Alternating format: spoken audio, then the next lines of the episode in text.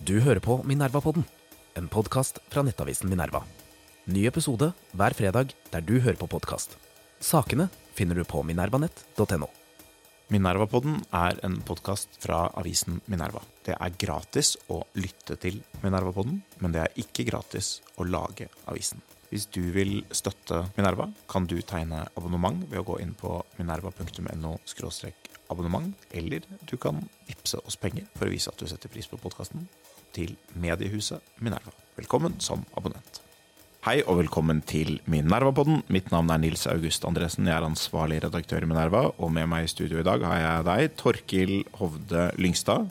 Takk for det. Velkommen. Takk for det. Du sa før sending at jeg fikk lov til å presentere deg som eh, Norges biofascist nummer én. Og det, det er vi veldig glad for å ha her. Vi skal fortelle litt mer om hva, hva vi legger i det. Det er ikke så skummelt som det kanskje kan høres ut som.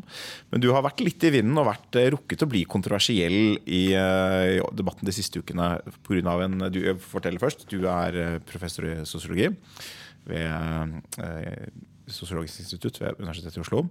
Og nylig kom du og to kolleger med en stor studie som eh, laget litt eh, baluba i sosiologimiljøet. Fortell hva denne studien er, og hva den sier. Jo, det skal jeg gjøre. Eh, studien er en tvillingstudie. Eh, den er gjort sammen med mm, to kolleger, som sier, og det vi ville gjøre, var egentlig å måle det som kalles arvbarheten i s- klass, sosial klasse. Sosial klasse her er viktig å forstå ikke er et vagt begrep om sosial posisjon i eh, samfunnsstrukturen. Det er et spesifikt sosiologisk fagbegrep eh, som innebærer klassifisering av yrker og utdanninger og andre kjennetegn inn i noen klasser. Det finnes mange varianter av dette, og vi ville teste flere av disse og finne ut hva, disse, hvordan eh, en tvillingstudie eh, ser ut når vi kjører den på sosial klasseutfall. Grunnen til at vi gjør det, er at vi jobber med samspillet mellom genetikk og sosial struktur i et stort forskningsprosjekt. Eh, og dette var, hadde, ikke, ingen, hadde ingen gjort før, selv om det er gjort hundrevis av tvillingstudier på alt mulig rart, fra det å ha høyt blodtrykk til å eie en hund. Og uh, vår studie uh, følger den sånn klassiske oppskriften. Vi har enegga tvillinger og toegga tvillinger. Og enegga tvillinger er som vi vet 100% genetisk like. I hvert fall kan vi runde opp til 100 Og toegga tvillinger tror vi er 50% genetisk like. Eh, og det, den forskjellen kan vi bruke til å måle tre ting. Vi kan måle hvor viktig genetikken er for å forklare variasjonen i det utfallet vi snakker om, som er en sosial klasse. Eh, vi kan også måle hvor mye familiemiljø betyr. Det delte familiemiljøet, altså det faktum at disse har vokst opp i den samme familien. Og vi har en restkomponent som er eh, alltid veldig stor og viktig, og det er det øvrige miljøet, det ikke-delte miljøet. Sånne studier er basert på noen antakelser. Ikke bare skal vi ha mål på disse tvillingenes sugositet, som det heter, om det er enegga eller toegga, men vi skal også eh, være sikre på noen andre ting. Eh, jeg vet ikke hvor mye jeg skal gå inn i dem, men det, noen av de antakelsene kan man alltids diskutere. Det er en stor litteratur på dette feltet som kalles atferdsgenetikk. Jeg jeg tenkte bare å spørre, altså, Dette er jo ulikhetsforskning. Det er jo et kjempestort felt i sosiologien. Det har man holdt på med i 100 år, mer enn 100 år. Og Utgangspunktet er at man alltid har ment at sosial bakgrunn er veldig viktig for å forklare sosial posisjon. Altså Hvor du kommer fra, bestemmer hvor du ender opp. Det har vært veldig, veldig, veldig vanlig å, å mene det, og det, det har vært standardsyn i Norge også. Og så hadde vi en runde om atferdsgenetikk inn i sosiologien, som veldig mange husker, for eh, 13 år siden, med hjernevask. Og den hadde jo noen funn som handlet om litt tilgrensende temaer, litt om utdannelse, litt forskjellig, men gikk ikke inn i dette med sosial klasse, det, som dere gjør nå. Man skulle da tro at uh, det var noe man kanskje hadde vent seg til, i hvert fall, og hadde et litt edruelig syn på. Hva, hva, du har fått noen reaksjoner. Hva, hvordan vil du karakterisere eller la, la, Før vi kommer til, til reaksjonene, la oss begynne med funnene. Hva, hva er det dere finner når dere ser på dette? Jo, det vi finner, det er det som veldig mange andre tvillingstudier finner. Dette, våre funn korresponderer med det atferdsgenetikeren Eric Turkheimer har eh, kalt for atferdsgenetikkens tre lover. Vi finner at arvbare, arvbarheten, altså genetiske faktorer, forklarer en hel del av variasjonen. I vårt tilfelle 40% av variasjonen i sosial klasse. Eh, delt familiemiljø forklarer mindre. I vårt tilfelle 10% Og det ikke-delte eh, miljøet, de øvrige miljøfaktorer, de forklarer 50 Dette er omtrentlig det man skulle forvente. Hvis man er en atferdsgenetiker, vil man ikke bli overraska over dette funnet på noen som helst måte. Og det er det altså flere også som har gitt uttrykk for. Blant annet Turker Missel, som vi hadde møte med denne uka dette kom i media. Mm. Eh, og han sa at dette var akkurat det, det dere ville vente at dere ville finne. Mm. Så i noen felt så er dette totalt ukontroversielt. Mm. Men eh, hva har dine sosiologkolleger uh, sagt? Altså, Det er, varierer jo en hel del. Altså, det fins jo he, de som helt klart uh, heller ikke lar seg overraske. Uh, det fins en del undring. Hva betyr dette egentlig? Og det skjønner jeg. Det, vitenskapen er spesialisert. Det er ikke alle som sitter inne med detaljkunnskap om atferdsgenetikk og, og, disse prosessene vi studerer. Og så er det også noen som er veldig kritiske. Uh, kritiske til metoden. Det kan vi alltids diskutere tekniske spørsmål rundt studien, men også kritiske til hva funnet at, at funnet har store implikasjoner. Vi skrev, nevnes, vi skrev en kronikk om den studien, så mye av debatten handler om den, den kronikken. og Der står det jo også noen ting om undervisning og sånne ting som vi uh, ønsker å formidle at dette må som ut til studenter. da. Uh, og det kommer jo i noen grad. Vi har jo også emner på sosiologi som handler om dette. Så, men eh, det er nok noe at vi tråkka på noen tær der som vi eh, sikkert kunne unngått å tråkke på. Da. Jeg har tenkt på, på litt hva, hvordan jeg har tolket reaksjonene. Altså, det er på det to ting her som er i spill for for mainstream-sosiologien. Det ene er jo at de forskningstradisjonene man har hatt, uh, plutselig synes utilstrekkelige eller blir truet. Så det vil man jo reagere på.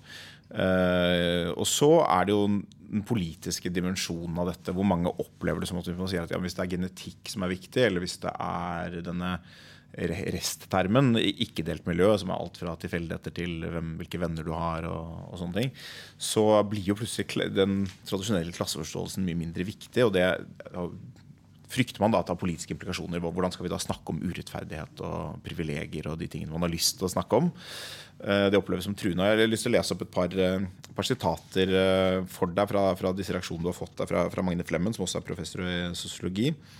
Han skriver det er veldig uvanlig å se forskere trekke så eh, kategoriske konklusjoner. De går veldig hardt ut og avskriver et av sosiologiens mest vellykkede forskningsfelt. Hva, hva, tenker du om uh... Ja, eh, Jeg tenker vel at vi ikke avskriver et forskningsfelt. Men det vi finner, som jo er konsistent med mye forskning på utdanningsnivå, for eksempel, som er en relatert variabel Klassebakgrunn er jo mye bygd på yrkesinformasjon. Og utdanning former i stor grad hva slags yrker du får. Eh, og våre funn er konsistente med det vi har sett på for resultatet for, for utdanningsnivået. Så, og eh, jeg tror også at eh, mye sosiologi lever veldig godt med dette funnet. Eh, som Erik Tørkheim også sa til Klassekampen, sosiologer kan slappe av. Men det er noen utfordringer som, som i varierende grad er inkorporert i dagens eh, fagdebatt.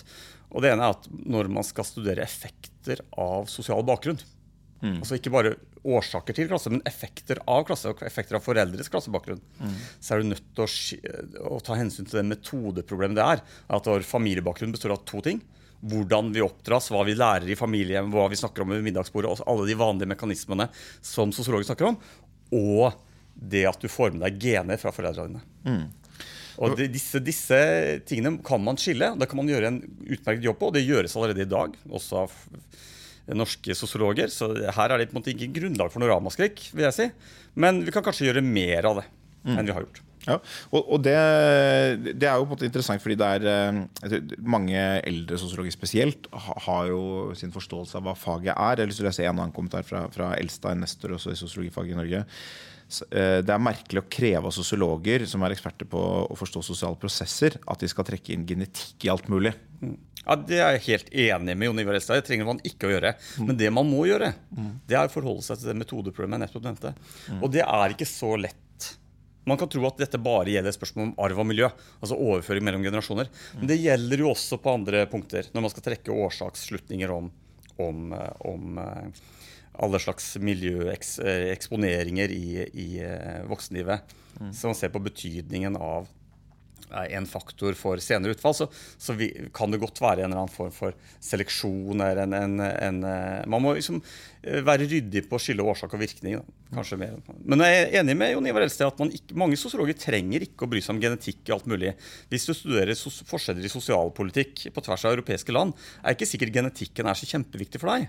Men den lurer alltid i bakgrunnen når du driver med data og studier av individuelle utfall. Mm. Hvor folk gjør valg. Jeg tenker på det fra, altså Jeg har studert økonomi og, og historie for seg. og det, det er sånn, i adferds, Du må ha en eller annen atferdsteori. Mm. Og ganske ofte så kan den være i og for seg ganske triviell. Du trenger ikke å ta hensyn til alle mulige ting. Økonomi er veldig sånn, man har bakgrunn i, i eh, rasjonelle valg. Mm. Og så vet man at mennesker ikke er 100% rasjonelle, men man oppfører seg ofte nok omtrent som om man er rasjonell eh, til at økonomer rettferdiggjør rasjonelle valg. Utføringen er selvfølgelig hvis man har evidens for at de oppfører seg ikke sånn. Da kan, du, da kan du ikke late som at vi kan bruke denne modellen i det tilfellet. Hvis, det er, hvis utfallet blir riktig, så er det et eller annet som har gått skeis underveis. Det er, det er, noe annet som forklarer det. Ofte blir det selvfølgelig feil. Det er litt det samme her at Ofte kan man jo la være å bry seg om genetikk, men hvis du har genetiske data, og de viser at det, det er faktisk ikke sånn, så kan man på en måte ikke, kan man ikke late som det er sånn allikevel. Nei, og det, det er et problem. De siste 10-15 åra Jeg tror mange sosiologer har sett på hjernevask og så tenkt ja, tvillingstudiene de er litt dodgy, syns de. Vi har noen rare antakelser og sånn. Mm. Men så de siste 10-15 årene har det kommet også det som heter social science genetics-feltet, som har blomstra, hvor man bruker data og målte genotyper. Mm. Og det viser jo også tydelig at det er, er eh, masse mennesker i utfall har røtter i genetikk på en eller annen måte. Så dette gjelder for alt. Så mm. tvillingstudiets grunninnsikt om at alt er arvelig, den, den kommer du ikke utenom. Mm. Så det må man forholde seg til. og da er det ting man kan gjøre for å forholde seg til det. Det gjøres allerede i dag, men jeg tror på en måte, eh, Elstads eh, irritasjon, da, hvis jeg kan kalle det mm. eh, er liksom møte, møte, med den insisteringen. Da. At uh, man, dette man faktisk tenke på i noen sammenhenger. Mm. La, oss bare reflektere litt rundt noen av disse funnene. Eh, jeg tror veldig mange mennesker har en slags intuitiv opplevelse av at klassebakgrunn er viktig. Vi, vi, vi ser verden rundt oss, og så opplever vi at det er sånn. Vi ser noen som har vokst opp under grusomme vilkår, hvis noen har vokst opp uh, sus og dus, og så ser vi at det er store forskjeller. Uh, ofte. Typisk. Hva, hva, tenker du om uh, Kan du si noe om det? For det er sånn så vår studie finner jo at uh, det er rom for det. Klassebakgrunn er viktig. Den forklarer 10% av variasjonen i hvordan det går. Men det er på ganske sånn bredt definerte utfall. Det er ikke ikke noe. Mm. Det kan, Avhengig av hvilken modell du velger, kan det være litt høyere, kan være litt mindre. og så er det disse gen-miljø-interaksjonene. Altså, det kan jo være slik at samspillet mellom gener og miljøer betyr mye, og disse havner gjerne i denne genboksen vår. Så det er, en, det er en uh, viktig faktor å tenke på. Men det betyr jo i hvert fall at gener er implisert. da, på denne måten. Mm. Og, og, jeg tenker at Når vi skal forstå resultatene våre, så er det viktig å tenke på også hva slags samfunn de er målt i. Mm. Sånn, arvbarhetskoeffisienter, som er det hovedresultatet vårt, mm. disse 40 med gener, de er realisert et sted i en bestemt tid. De er realisert i Norge, men for de som er voksne i dag. Mm. Ca. rundt 40-50 år i Norge i dag, sånn som mm. meg. Mm. Um, og hva slags samfunn har de vokst opp i? De har vokst opp i et samfunn med et offentlig helsevesen. Med et eh, offentlig utdanningssystem hvor du får finansiering for å ta utdanning hvis du ønsker det. Mm. Med, mm, jeg vil også påstå, uten at jeg er noen ekspert på det norske utdanningssystemet, at det er ganske mange second chances i det norske systemet. Mm. Så hvis du har noen talenter, selv om du kommer fra litt vanskelige kår, så er det muligheter for å få realisert dem i Norge. Det er ikke sånn at det ikke er noen som har, har, fordeler. Selvfølgelig er det folk som har fordeler, og Vi har genetisk informerte studier som viser at, for at det er betydelige effekter av eh, foreldrenes formue på egen formue. Mm. Det er jo ikke så rart. Ja, det, er så rart. Det, er, det, det, er lett å overføre. Du kan bruke VIPS og overføre formue mellom generasjoner. Mm. Det er vanskeligere å overføre utdanningscredentials, uh, vitnemål og lignende. Da må du gjøre jobben sjøl. Og I Norge så er det sånn at den jobben er mulig å gjøre. Så jeg vil si at våre, våre funn er en slags gladsak. Det viser at Norge er et ganske åpent samfunn. Ganske meritokratisk samfunn. Mm. Jeg, tenker at det er um, eh, Det man lett ser, er jo på en måte sånn ekstremcases som er en del av disse 10 mm. som driver det. Mm. barn av milliardærer eh, ender i hvert fall opp med en høy sosial klasseposisjon. Et mm. litt annet begrep enn det dere bruker. Mm. For de kan jo mm. godt ende opp i for seg uten noe yrke, hvis de ikke har evner til det. Men de ender opp i hvert fall med penger. Men, men, ganske ofte så ser man også at de ender opp med barn av advokater blir advokater, barn av leger blir leger, og barn av uh, folk som har falt helt utenfor arbeidslivet, er trygdemottakere, alkoholiserte. de går det også ofte relativt dårlig med. Man, man, ser disse ekstremcasene. Men det, egentlig kunne man kanskje si at det er deres en annen måte å tenke om deres studie på er at i et, gans, et ganske bredt sjikt av befolkningen så er det sosiale miljøet ikke så veldig avgjørende. I den veldig brede middelklassen. på en måte. Nei, det, det, er en måte å si det på. Det vil ikke si at det sosiale miljøet ikke betyr noe. For nei, det er jo veldig mange miljøfaktorer her som betyr noe, eh, og som også ikke, ikke, er delt. Altså Miljøet er jo det viktigste komponenten. I det, det er Genetikken er jo det aller viktigste. Eh, men, eh, men, jeg tror nok det er viktig å ha i mente at vi også, det vi ser på, er liksom det brede befolkningen som helhet, og ikke ekstremcasene. Mm. Eh, og så tror jeg det, også For å tolke funnene tror jeg også er viktig å tenke litt over hva er det som ligger i den genetikkboksen. Mm. For Veldig lett så griper folk til at dette er intelligens, det er IQ-gener, det er kognitive evner. Og det er det som gjør at du går, oppover i systemet. Men det er jo ikke så lett. Det er ikke sikkert at intelligensen er så viktig her. Det kan ha vært masse andre faktorer som er helt åpenbart arvbare, som vi vet fra andre, andre, annen forskning. F.eks. Eh, psykisk helse. Mm. Risiko for depresjon. Et, et, interessant eksempel uh, her, hvis man kan gå inn i, i mm. norske forhold som illustrerer mm. Både delt miljø, mm. uh, ikke-delt miljø og, og, gener, er jo familien Stoltenberg. Ja, det er også et eksempel jeg har brukt i noen sammenhenger. og det er veldig, jeg synes det veldig sier mye. Her har vi tre søsken, og to av de eh, ble henholdsvis generalsekretær i Nato, og andre ble direktør på Folkehelseinstituttet. Mm. Mens andre har åpenbart hatt store rusproblemer og dette og døde dessverre en tidlig død. Mm. Det er jo ja. Og jo, manglet jo ikke evner. Nei. Eh, men de hadde, de hadde, noen delte gener, men ikke 100 delte gener. De hadde delt oppvekstmiljø i noen grad, selvfølgelig ulike alder og sånn. Men så hadde de betydelige eh, store forskjeller i ikke-delt miljø mm, og, og, i, og, i, genetikk. Mm. Og Det er jo et veldig interessant eksempel på som mange mennesker også uh, vet om og opplever. Mm. At det, er, det kan være tre søsken, noen går det veldig bra med, og noen faller utenfor. Um, men jeg tenkte, for det, det, det, er en annen kritikk eller en innvending uh, fra Magne Flemmen som både sier at ja, det dere impliserer, da, det er at det finnes egentlig eh, store genetiske forskjeller mellom klassene. Det er den eneste måten dette kan være sant på. Og det, og det vet vi at ikke, det synes han ikke er plausibelt, fordi vi vet jo at det er mange som har barn som er i en annen klasse, osv. Hva, hva tenker du om den innvendingen? Et ja, det rimer ikke helt med sånn som jeg forstår dette feltet. Det gjør det ikke. Um, altså, nå skal jeg si at Vi måler jo ikke gener direkte, vi måler bare graden av slektskap mellom folk. Mm. Og gjennom det vi lærer noe om gener. Uh, men uh, jeg tror ikke at hvis du hadde uh, tatt gendata fra folk fra ulike sosiale lag, og så ville ikke disse fordelingene over f.eks. For polygene scorer, som, kan, som, er et sånt samlemål på gener for et eller annet, eh, være særlig forskjellige. Det vil kanskje være bitte litt gjennomsnittsforskjeller i dem. Eh, og eh, det er ingenting ved vår studie som krever at det ikke skal være folk som får barn med At, At folk må utelukkende må få barn med eh, andre fra samme sosiale klasse. Det er ingen krav til noen foreldrenes sosiale posisjon på noe som helst vis. Det eneste kravet til kjennetegn ved foreldrene er at de ikke skal være i slekt. faktisk. Det er motsatt av hva det kritikken innebærer. Mm. Uh, og hvis det er brudd på denne forutsetningen om at det ikke skal være slekt, så vil det drive betydningen av familiemiljø opp og gener ned. fordi da er toegga tvillinger litt likere hverandre enn uh, forutsetningen om at de skal dele 50 av genene. Mm. Dette er kanskje litt innfløkt, men det er altså at vår studie er egentlig en konservativ test på om, betyr, om, om genetikken betyr noe, ikke en ikke en så radikal test. Men litt mer som bare intuitiv eh, forståelse av bildet vil gjøre si at det er vel ikke helt uplausibelt at disse målene for sosial klasse i noen grad korrelerer med noen genetiske forhold. Men at den korrelasjonen trenger ikke være så veldig sterk. Og så er det jo stor variasjon. Altså det er stor arvebarhet, men det er også stor variasjon, som forskjellen mellom søsken jo viser. sånn at det er helt naturlig at og det er naturlig at ganske mange barn født i en høy sosial klasse gjør det ganske bra, fordi de fleste av dem også har ganske gener som er egnet til å bli i den klassen, for å si det sånn, mens noen av dem ikke har det. Ja, ja det, og det er sant, Meiosen, altså det som skjer når eh, DNA fra far og mor kombineres, er at du får en ny en kombinasjon som inneholder en tilfeldighet. og det Tilfeldighet er et slags lotteri. Du kan trekke et lodd fra det universet moren og faren din sitt DNA er. Der er det mange mulige utfall. Mm. Så det, det, at søsken er forskjellige, er en kilde til sosial mobilitet i seg selv. Mm.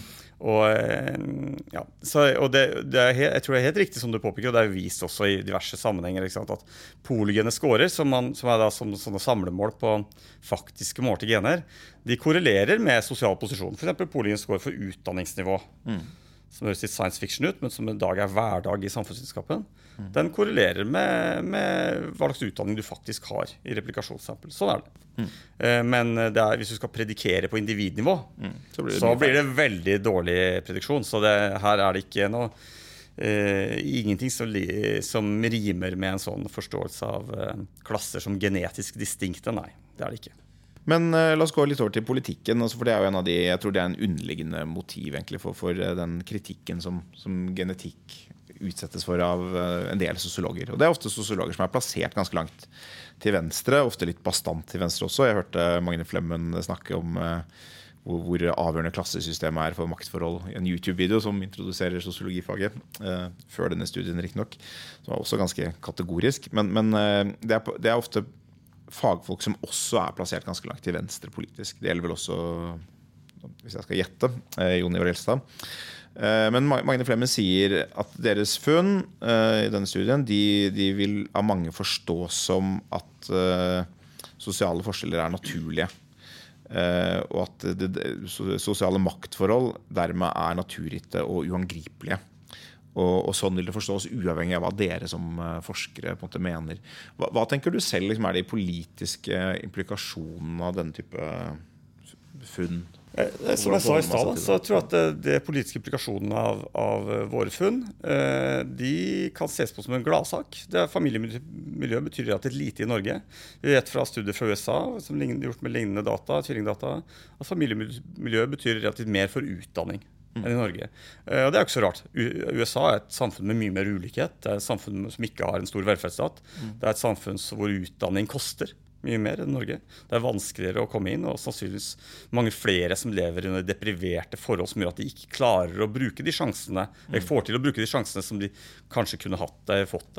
Så du vil si at uh, disse funnene i en viss forstand er en, gir en slags støtte til at en vellykket velferdsstat gjør at betydningen av bakgrunnen blir mindre viktig, og dermed blir gener på en måte bare automatisk mer viktig? Ja, fordi tvillingstunnenes hovedresultater er jo relative. Så de, de, de, hvis den ene faktoren går opp, så må den andre, en av de andre gå ned. Mm. Så, sånn sett er det, er det, riktig.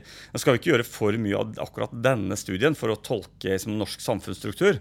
Men det, hvis man skal være litt, dra på litt, så vil jeg jo si det. At er, vi har i hvert fall ikke en kjempestor eh, delt miljøkomponent. Nå er det plass til ganske mange sånne urettferdige rettferdige mekanismer i de 10% For det er 10 av variasjon av totalvariasjonen. Og, og, så der er det mye sånn sosiologisk lagdelingsteori som får plass. Så jeg, så jeg tror at det, det, ja, det, er, det, er, ikke grunn til å avskrive noe forskningsfelt med disse, disse resultatene. Når det gjelder det eh, mer sånn kan vi, Burde vi forske på dette, eller burde vi ikke? Da tenker at jeg er vitenskapsmann, jeg prøver å forske på det jeg kan. Men vi er jo ikke blinde for implikasjoner. Jeg skjønner jo at mange med historien eh, som bakgrunn blir sånn litt engstelige når det kommer opp med genetikk og ulikhet. Og, da, det, og mine kolleger er ikke alene om det. Vi har vært på, nylig vært på en fagkonferanse i International Sociological Association, hvor vi ble møtt med også lignende argumenter fra veletablerte folk i feltet som uh, har litt annen orientering. Så, så dette er ikke, det er ikke helt fremmed for oss. Samtidig finnes det også mange som, som, jobber med akkurat det som vi jobber med. Da. Hvordan spiller dette seg ut i USA i dag? Det er jo et interessant felt hvor man får inntrykk av at akademia er uh, har veldig mange av disse politiske sensitivitetene. Ja, jeg er ingen ekspert på hvordan forholdene er i dag. Jeg jobber jo sammen med noen amerikanere. og de Eh, jeg jobber litt sammen med en eh, amerikansk psykolog som heter Page Harden, som for noen år siden ga ut en bok som heter Genetic Lottery. Hun står eksplisitt på venstresida selv. Hun skriver fra et venstresideperspektiv. Og skriver hvorfor venstresida må ta genetikken alvorlig og ikke kan skyve den unna. Blant annet fordi hvis du skyver den unna, så gjør du deg jo stiller du deg veldig laglig til for hogg, mm. for kritikk. Hei, du ser bort fra en viktig del av verden. Hvordan kan vi stole på deg da? Så, så, så, presenterer hun masse forskning. Men hun skriver jo i introduksjonen til boka si tror jeg, at, eh, at, hun var på besøk i Russell Sage Foundation, som er en sånn tenketank i New York. Og ble, Folk ville ikke snakke med henne i lunsjen. Hun fortalte hva hun jobba med. Ja. Så eh, det, jeg tror ikke det er, det, er, det, er, det er et betent tema på mange vis. Men jeg tror vi gjør oss alle en tjeneste med å tenke eh, Prøve å ta det inn på en eller annen eh, adekvat måte. Jeg tenker, det ligger på en måte ting her i en viss forstand. Det ligger to Det ligger en utføring både til høyresiden og venstresiden her. Så For venstresiden så er det en utføring at man, man kan ikke ta sosial ulikhet uh, i seg selv som et bevis på urettferdige strukturer. Og det, det er noe av det som ofte er veldig fristende for venstresiden, enten det er likestilling eller uh, integrering, eller liksom andre ting, så vil man at det skal være en annen, eller det er klasse, at det skal være en annen maktstruktur. Det er veldig viktig at det er en maktstruktur. Og, det Eh, og det kan jo være genetikk, det kan være kultur, det kan være normer, det kan være andre ting som, som også kommer inn. men de passer ikke inn i denne maktstruktursaken. Så det er en utfordring for venstresida å si at eh, vi ser at det er ulike utfall, men vi, man må faktisk dekomponere det for å finne ut hva som er årsaken.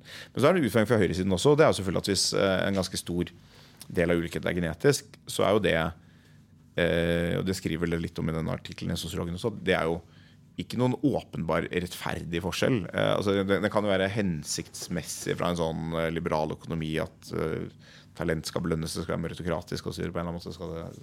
Kan det føre til rolsiansk rettferdighet eller noe sånt. Men, men, det er jo åpenbart ikke noe mer rettferdig enn noen annen form for ulikhet. Så det må jo, hvordan forholder vi oss da til det?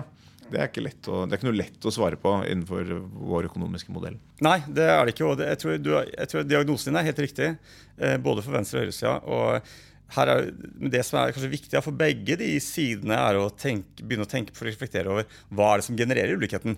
Hvilke prosesser og mekanismer er det som genererer den? Det er samfunnets belønningssystemer som genererer ulikheten. Det er ikke genene i seg selv. Mm. På noen måte. Ja. Og Det er heller ikke den sosiale bakgrunnen i seg selv, med unntak av formue og arv, selvfølgelig, som er med direkte effekt. Men det at akademikerbarn tar lange utdanninger, det fører jo ikke nødvendigvis til inntektsulikhet. Det kommer an på hva de får igjen for disse utdanningene. Så man kan like gjerne bruke funn som viser bety stor betydning av genetikk, som et, uh, via et argument om at dette er bare flaks. Genetikk er flaks. Du er flaks og født med gener som egner seg i utdanningssamfunnet, uh, utdanningssystemet. Og da, det burde du ikke få noe ekstra for. Så, så, du mener at egentlig dine funn er et godt argument for at Magne Fremmen faktisk bør få lavere lønn? Eh, nei, jeg syns Magne skal få den lønna han fortjener. Eh, heldigvis ikke Hva betyr det opp til meg eller Magne å bestemme den. Eh, men, men, men, er, eh, men, det er jo interessant altså, sier, det, det, For det er jo riktig altså, Det er vel der dilemmaet kommer inn. da At det er det er jo ikke åpenbart at uh, akademikere for eksempel, burde få mer lønn. Norske akademikere syns alltid tjener for lite. Men, men uh, det er et spørsmål. ikke sant? Hvor mye skal egentlig en professor tjene? Er det fordi han er flink? Er det bare fordi han har gode gener? Hvor, hvor mye skal det belønnes? Men det må veies da mot måte, samfunnets behov for å uh, dirigere talent eller økonomiens behov for å dirigere riktige evner til riktig sted. og Det er jo, på en måte, det er jo derfor det blir sånn. så Samfunnets belønningssystem er jo ikke arbitrært eller Nei. idiotisk. Nei. Uh, så Det er liksom derfor det er en, en interessant spenning i dette. Det er en spenning, helt klart. det er det. Eh, det var, dette ble skapt jo en ordentlig debatt i Klassekampen da det, da det kom. og Det har vært litt frem og tilbake i uh, sosiologisk tidsskrift. Eller, Sosiologen, sosiologen ja, Norsk sosiologisk utmerkede nettsted. Ja, sosiologen. Uh, men man kunne på en måte vente at det førte til mer politisk debatt. Men det har ikke vært så veldig mange politikere som har grepet dette. De vet kanskje ikke Nei. hvordan de skal gripe det én studie, så hvis man skal gripe noe, så bør man jo gripe en hel litteratur, i hvert fall. Eh, mm, mm. Men eh, der er det jo sant, et, Det foregår masse forskning av, på, som ligner på vår. Altså forskning, genetisk informert forskning som, mm. i, på Universitetet i Oslo, på mm. Sosiologisk institutt, på andre institutter mm. og på andre universiteter rundt omkring i verden. Og de går jo inn i den jevnlige litteraturen, og det er jo et felt som er i enorm vekst. Mm. Sosiologifaget for når jeg begynte i denne bransjen, så var det én fyr mm. som jeg kjente til, som drev med dette. Fant fort ut at han hadde en par kompiser til. Men er, nå er det veldig mange flere, fordi det er enorm vekst i data, enorm vekst i metoder. Mm. Og uh, dette er en dampvarval som ruller framover. Det er veldig viktig at samfunnsvitere er med på dette, så vi kan informere politikk på en måte som tar hensyn til samfunnsstrukturer som forstår det. I stedet, så Vi kan ikke gi dette feltet over til medisinere, genetikere, statistikere som ikke har ikke sant, som skjønner forskjellen på en konservativ og en sosialdemokratisk velferdsstat. Uavhengig av hvem som styrer landet. Mm. Det er, det er sant, et spørsmål om politisk økonomi, ikke et spørsmål om eh, partitilhørighet. Og, og det er eh, tror jeg et felt som er altfor viktig til å overlate til andre fag. Noe av det interessante med denne studien er, er som du sier, at dette er jo da tre forskere ved Institutt for sosiologi ved Universitetet i Oslo. Hvis man tenker hjernevask, så var inntrykket som ble skapt Det kan jo ha vært litt urettferdig allerede den gangen, men at dette måte finnes ikke. Dette avvises.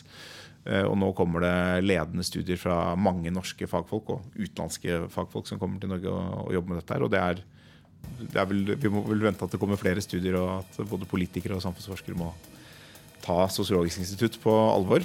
Ja, Det gjør det helt sikkert. Veldig spennende å ha deg i studio. Tusen takk. Takk for det.